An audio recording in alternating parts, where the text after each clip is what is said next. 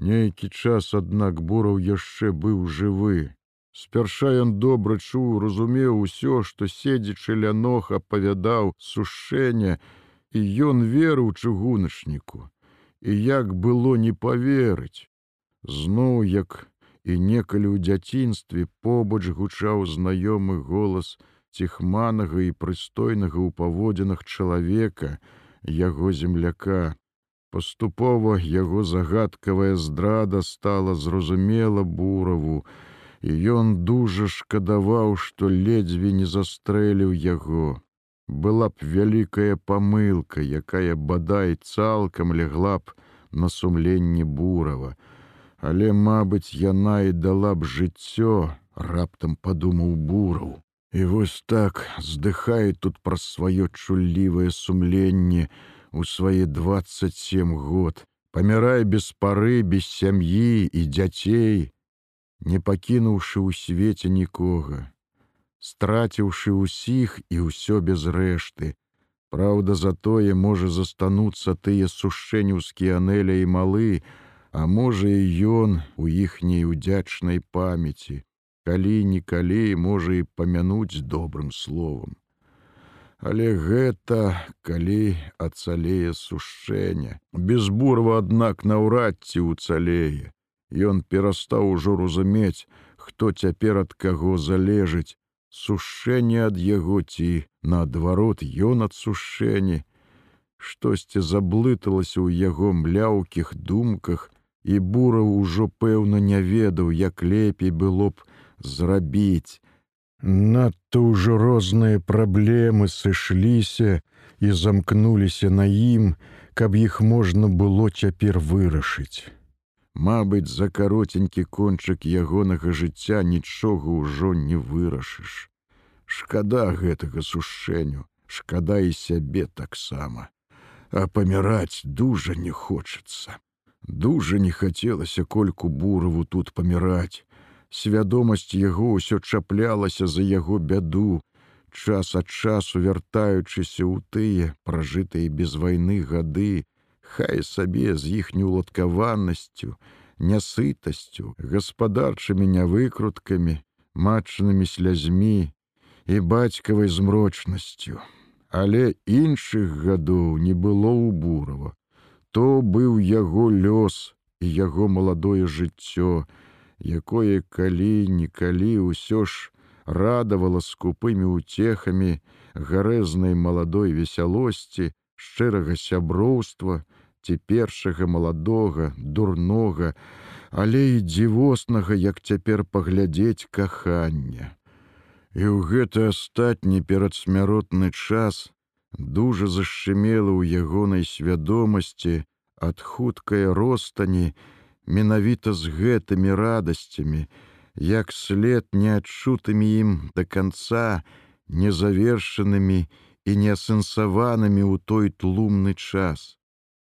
Тады ўсё штось замінала, не было вольнага часу, заядала праца і праклятыя клопаты аб тым, як пражыць, пракарміцца, абысціся мізэрнай капейчыны ў кішэні, выплаціць усё, што належала выплаціць дзяржаве, разлічыцца з безліччу нарыхтовак, адчуць сябе вольным і хоць трохі шчаслівым. Ды ўжо відаць, не адчуеш. Нават цяпер, перад хуткім канцом, калі нішто абсалютна не абавязвала яго, ні доўг, ні начальства, ні нават страх, штось не давала адчуць жадныя волі, замінала, блытаная ў жыцці перад смерцю заблытвалася яшчэ болей. Ужо не разабрацца. Галоўнае не было калі. Не было калі жыць, няма як па-людску памерці, як некалі паміралі старыя, нетаропка, скончыўшы ўсе справы, аддаўшы ўсе запаветы, і яму дужа захацелася, каб як-небудзь забрысці да атрада, Хай бы там свае хлопцы закапалі ў сухую зямлю, сказалі нябожчыку пару добрых і цёплых слоў, якіх небагата ён чуў у жыцці. Добрае ён бы пачуў з магілы. Так мала было яму трэба, але і да таго, мабыць, не дапяцца. Калі трохі святлела ў свядомасці, ён адчуваў сябе сярод лесавога пошуму, тады не адразу з натугай прыпамінаў, што побач сядзіць сушэння. Пасля перастаў адчуваць, дзе ён і хто з ім, усё болей вакол шырэла адзінота, і вось ён застаўся адзін. А пасля неяк неўпрыцям не засталося нікога. Войцік лёгка ішоў па лесе, часта азіраючыся па баках, звыкла і чуйна слухаючы несціханы лесавы шум. Спярша ён трохі прайшоў прасекай, затым, падумаўшы, збочыў улева, чамусьці здалося, што тыя бабічы павінны быць недзе злева. На плячы ў яго вісеў бураўскі карабін, у кішэнях падзёўкі боўталася шэсць абоймаў патронаў. Сваю даўгую вінтоўку ён абачліва схаваў пад ламачым недалёка ад прасекі, будзе вяртацца забярэ, не пакідаць жа спраўную вінтоўку ў лесе. Аддаць яе сушэнню ён не мог, было б недарэчы і бязглузда узброіваць здрадніка. Буру, калі што, абыдзецца наганам, хаця і наган яму ўжо наўрад ці спатрэбіцца, хіба каб застрэліць сябе ці сушэню. Гэты сушэнне мала што нёс бурава, памагаў перавязваць, але хто ведае, што ў яго ў галаве, куды ён урэшце скіруе. Яшчэ возьме, ды адвалачэ таго ў паліцыю, за якую для сябе выгаду, Бураў кажа, не чапай сушэню, Але бураву лацівей так казаць. Мабыць, яму няма ўжо чаго баяцца. Адной нагой ён ужо там.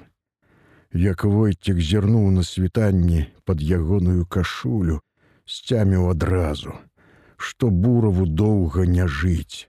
Тады за ўсё, што б не здарылася, прыйдзецца адказваць войціку. Таму ён не спяшаўся, не пёр на злом галавы.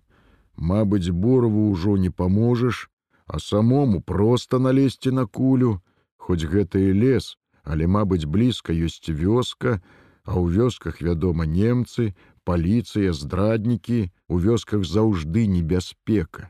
Да і ў лесе таксама не лішні часцей азірацца, не глядзі, што адзіны навакол ціха. Небяспека яна ідзе нячутна, на мяккіх лапках, а абрынаецца раптам і не спадзеўкі, як на той баравінцы.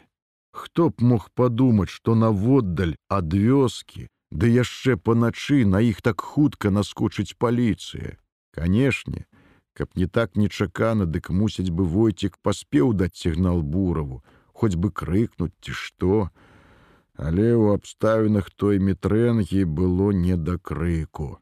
Добра, што сам выскачыў, кінуўшы коня. Без коня, канешне, цяпер намуліешся. Пёхам па такой макрэдзі да яшчэ з параненым далёка не дойдзеш. Але дзе ж тыя бабічы? Хвойнік усё-ткі, як быў стары рэдкі, раптам засінеўся наперадзе нейкай прасветленай.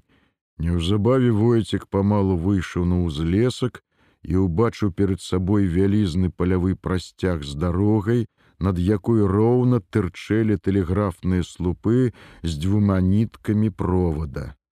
Разрэзаўшы прасцяг, дарога зноў хавалася ў лесе, але вёскі там не было відаць, Можа, яна дзе далей за лесам падумаў войцік.